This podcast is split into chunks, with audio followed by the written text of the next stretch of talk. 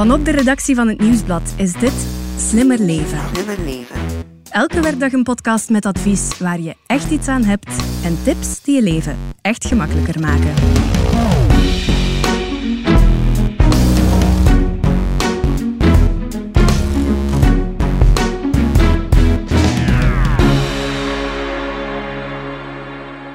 Wie houdt er binnenkort een lenteschoonmaak of ruimt zijn zolder op en kan wel een extra zakcentje gebruiken? Luister dan maar goed, want je oud speelgoed en je strips kunnen misschien nog wat opleveren. Ik ben Elias Meekens en bij mij zit Stefanie Verelst, vaste redactrice van de podcast. Dag Stefanie. Hallo, hey hey. En Chris Nick, journalist voor het Nieuwsblad en Slimmer Leven. Dag Elias, dag Stefanie. Hey. In deze podcast gaan we het dus hebben over oud speelgoed en oude strips die geld waard zijn. Veel geld. Maar over wat gaat het dan precies? Star Wars poppetjes of de Barbies die daar nog ergens in een hoekje liggen? En hoe zit het met strips? Zijn jommekes van vroeger iets waard? Alle antwoorden in deze aflevering van Slimmer Leven. Chris en Stefanie, jullie hebben eh, ja, ook kindjes in huis die spelen met speelgoed, vermoed ik, en strips lezen. Stefanie, ben je daarmee bezig dat dat misschien wel eens iets waard zou kunnen zijn? Nee, totaal niet. Nu, toen ik voor deze podcast wat begon te researchen, kon ik mij wel voor de kop slaan over sommige dingen. Dacht ik, verdorie. We hebben bijvoorbeeld een, ehm, een paar jaar terug voor onze oudste zoon een fantastische Lego-set gekocht van zo'n Star Wars, dat, dat schip. Ehm, ja. We hebben kleine bouwdoosjes ook, hè, maar dat grote schip bijvoorbeeld, dat ligt allemaal gewoon bij elkaar. Zelfs die dozen bestaan niet meer. Dus al die Lego zit in dozen bij elkaar gegooid. En dan denk ik, ja, dat beklaag ik mij misschien wel. Dat, Dat kan je niet meer verkopen dan. Nee, nee, nee. nee. En strips hebben we ook veel. Best veel eigenlijk. De jongens lezen echt wel veel strips. Ehm, die liggen wel redelijk netjes bij elkaar. Maar of die iets zouden opbrengen, enfin, benieuwd. Ja, ik ben ook benieuwd. Hoe zit het bij jou, Chris? Oh, ik denk altijd eerder aan eh, ruim eens alles op in de plaats van het idee dat ik daar op een berggoot sta in mijn living. Ah, ja. Ehm, maar onlangs kreeg ik wel van mijn moeder een, eh, een oude kartonnen doos met eh, oude strips die zij van een oude vrouw had gekregen. En dan dacht ik wel van, eh dat is misschien toch een beetje de lotto winnen. En wat voor strips waren dat dan? Kuifjes. Ah, Ja. oké. Zeg, ja, jullie waren natuurlijk vroeger ook kindjes met speelgoed. Zijn de ouders daarmee bezig of jullie zelf? Hier komt een trauma, Elias. Ik heb een tijdje geleden luid gevloekt toen ik op eBay de kabinetten van T-A-Team zag. Ken je dat, die reeks? eh? Ja, absoluut. Ik ben eh, een tuurlijk. kind van de jaren tachtig. Ik dus was ook fan eigenlijk eh, van Voilà. de reruns dan, iets later. Ah, maar ik, ik had die camionet en de action figures. En die stond er op eBay voor 199 dollar. Is dat veel? Dat is toch aardig als je weet dat dat toen... ja, ik zeg maar iets Ja. 10 euro waard was of zo. Mhm, Alleen één probleempje. Ik heb die verpatst op de dijk van Kookseire tijdens een rommelmarkt voor kinderen. Voor eh, ja, een paar honderd frank, wat dus nog altijd een paar, ja, 10 euro is of zoiets. Net zoals mijn jeep van G.I. Joe en het slijmkasteel van He-Man. Ehm, tja, toen dacht ik, dat is niks meer voor mij. Nu denk ik, tju. Ja, had je toen geweten? Ja. In ieder geval, beste luisteraar, wij gaan jou behoeden van dit soort flaters. Dus spits je oren, het gaat soms over veel geld. Speelgoed en strips. Laat ons eens beginnen bij het speelgoed, Stefanie. Wat ben je allemaal te weten gekomen in je research? Wel, om te beginnen heb ik een fantastische hulplijn ingeschakeld. Een Nederlander. Mark Nobbe heet hij. En hij heeft de website en de winkel Old School Toys. Dus hij weet dus alles over oud speelgoed. Zijn specialiteit is jongensspeelgoed uit de jaren 80. Boys and toys. Zeg, wat is dat dan allemaal, dat speelgoed uit de jaren tachtig voor jongens? Dat zijn dingen waar Chris het onder meer over heeft. Ik maar voel ook... een mes in de wonden komen. Ja, maar ook eh, Star Wars, eh, Ghostbusters, G.I. Joe, Transformers. Speelgoed van toen dat nu allemaal veel geld opbrengt. Luister maar. Onder de streep zeg ik altijd, de ene zijn rotzooi is de ander zijn goud. Dus eh, voor iemand anders kan het natuurlijk nog geen stuiver waard zijn. En voor andere mensen is het eh, eh, 1000 euro waard.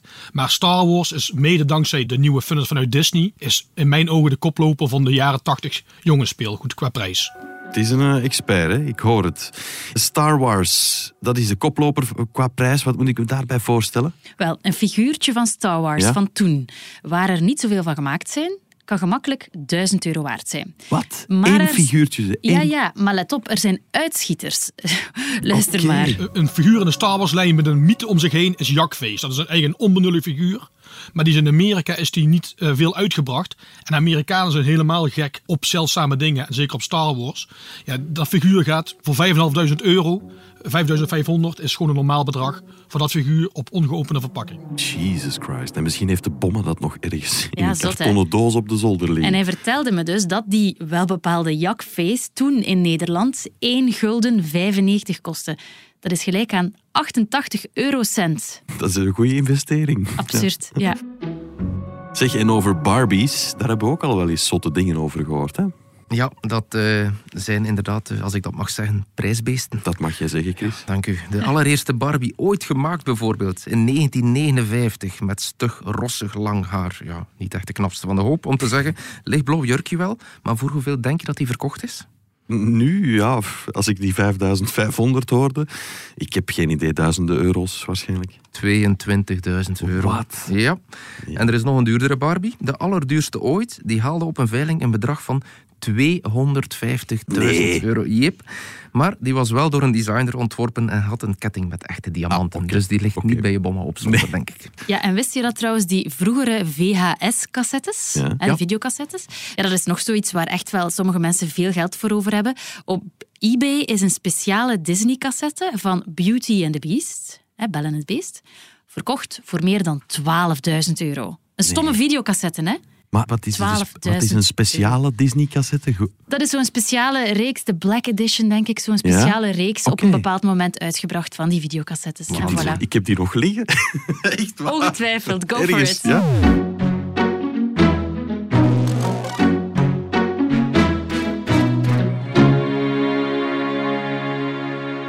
Wat moeten we nu kopen en bijhouden voor later om dan eventueel met winst te verkopen, Stefanie?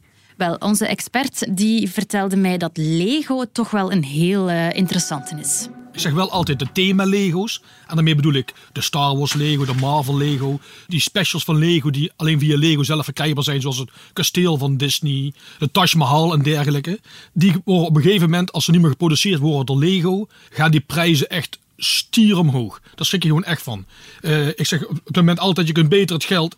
Als je geld hebt en ruimte, kun je beter eh, een paar van die zeldzame Lego sets kopen en op de zolder neerzetten, als dat je het op de bank zet. Want dan krijg je veel meer rendement. Ja, Zo'n goed recent voorbeeld dat hij gaf is een kazerne van Ghostbusters in Lego.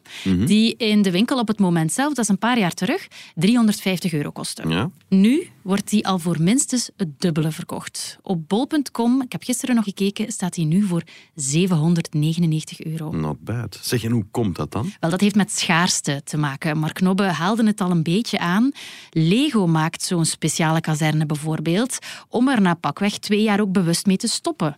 Eh, dus dan raken die overal uitverkocht en dan gaat de prijs ineens hups omhoog. Ja, oké, nu dus massaal speciale Lego-dozen in huis halen dan. Mm. Ja en nee, hè, want het haalt eh, ja, op die manier zichzelf ook wat onderuit, hè, het systeem. Als iedereen nu mooie, ongeopende dozen op zolder gaat zetten, dan blijven er veel van bestaan. Schaarste gaat er nooit zijn. En dus zullen die prijzen ook nooit zo hoog gaan. Al moet ik wel zeggen dat ik me dus serieus beklaag dat dat gigantische Star Wars-ship eh, nadat het gemaakt was, hè, dus helemaal uit elkaar is gehaald. De doos is dus ook zelfs weg. Dus ja, ja toch maar nooit geweten. Hè. Ja, daar ga je dan toch eens twee keer over nadenken vanaf nu. We gaan het zo meteen nog hebben over de fervente verzamelaars van al dat mooi speelgoed en over strips natuurlijk. Hè. Hoe weet je wat een waardevol exemplaar is of kan zijn? Maar dat is voor straks. We gaan er eerst kort even tussenuit. Hey, ik ben Xander. Wist je dat afvalrapen terwijl je jogt de ideale manier is om aan je cardio te werken en squats te doen? Voor de podcast Ik geloof erin van Engie ben ik op zoek gegaan naar mensen zoals jij en ik die geloven in een koolstofneutrale toekomst. Laat je inspireren en krijg praktische energiebespaartips. Luister nu zaterdag in deze podcastfeed naar het verhaal van Laura, een eco-warrior die blogt over duurzamer leven.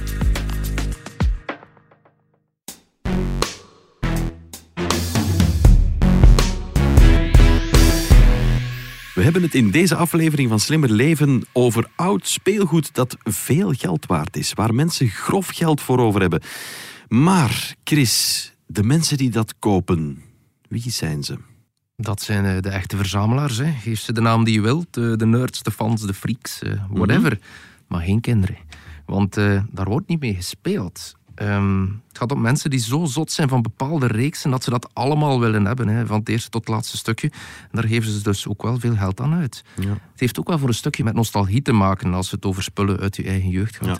Wie die A-team niet kent, zal die kabinetten nooit kopen. Hè. Absoluut. Zeg, en hoe zit het met Playmobil of alles van Paw Patrol? Daar zie ik kindjes van nu wel eh, graag mee spelen. Ja, blijkbaar is dat toch iets anders. Daar, eh, daar is geen markt voor op dit moment. eh, geen grote groepen van fans of verzamelaars. Dus experts vrezen ook wel dat als je nu je zolder volstout met die, eh, die honden van Paw Patrol om later steenrijk te worden, eh, dat die bedrogen zal uitkomen. Mark Nobbe, onze expert, vertelde bijvoorbeeld eh, een reeks van mini-poppetjes van zijn dochter van in de jaren negentig. Dan zou je denken, ja, kan iets opbrengen. Nee, het staat al maanden op tweedehands. eh, ze raken gewoon niet verkocht. Ja, de clue is eigenlijk, het moeten echt unieke stukken zijn, in perfecte staat, voor dus een specifieke groep verzamelaars met een doelpubliek. Als je dat niet hebt, eh, heb je dus geen goud in handen. En ik wil dit deel over speelgoed misschien afronden met wat Nobbe zegt over de functie van speelgoed. Plezier is nummer één, waarde is nummer twee. Dus een speelgoed is niet gemaakt geworden eigenlijk om ongeopend in de verpakking te laten zitten. Ja, en hij heeft wel een punt. Hè. Absoluut. Strips, hoe zit het daarmee?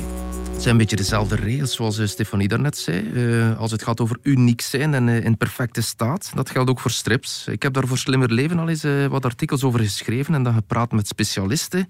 En een van de eerste parameters om te zien of je nu een waardevolle strip op zolder liggen hebt, is de leeftijd of de ouderdom, hoe je het ook bekijkt. Ja, vertel. Maar ik denk misschien, goh, een strip van 40 jaar oud, Ja. ja. die bestoft ligt op de zolder, die zal wel iets opbrengen.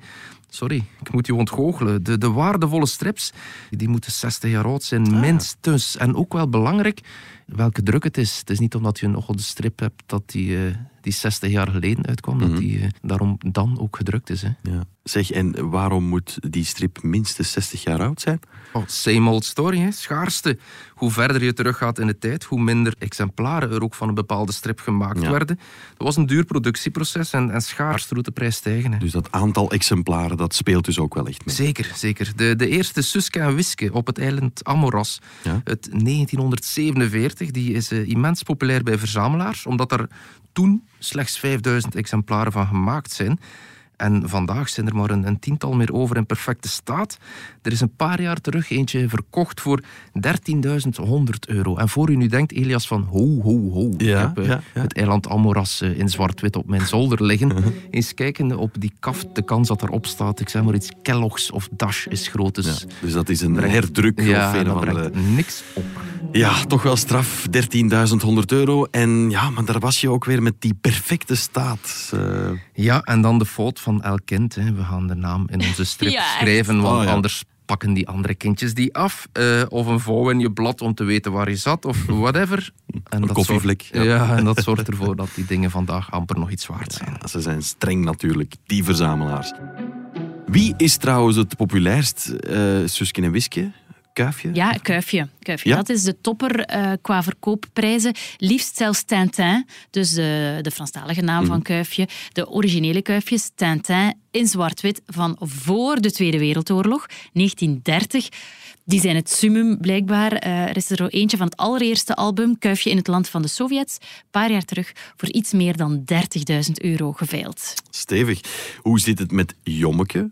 Daar eh, heeft mijn moeder er nog wel wat eh, van liggen. Of, of Kiekeboes. Helaas, sorry, maar eh, daar zijn echte verzamelaars niet naar op zoek. Want, je kan het al een beetje raden intussen, die reeksen zijn begonnen op een moment dat strips maken niet zo duur meer was, de oplages veel groter waren, massaproductie bijna, dus uniek zijn die stukken niet. Dus de eerste Urbanus bijvoorbeeld ook. Dat, Goh, ik vrees voor die eerste, dat is nog iets waar, waar je misschien nog mee weg kan, maar, eh, maar voor de rest vrees ik ervoor. Maar dus strips van nu op de zolder leggen, dat heeft geen zin. Nee, want er zijn er gewoon te veel van. Wat misschien nog plezant om te weten is ook, is dat eh, de producenten, als we zo mogen noemen, ook wel zorgen voor schaarste. Eh, de familie van Kuifje, Gergé, die hebben die schaarsheid zelf in de hand gewerkt. Bewust. Ze weigerden sommige albums bij te drukken en ja, zo creëer je unieke en vooral dure stukken. Straf toch wel. Dr. Google. Heb je nog iets bij Dr. Google kunnen rapen, Stefanie? Ja, eigenlijk wel een interessante website voor verzamelaars of voor mensen die nu denken: oh, ik wil wel wat geld verdienen aan speelgoed. Eh, meer bepaald aan Lego.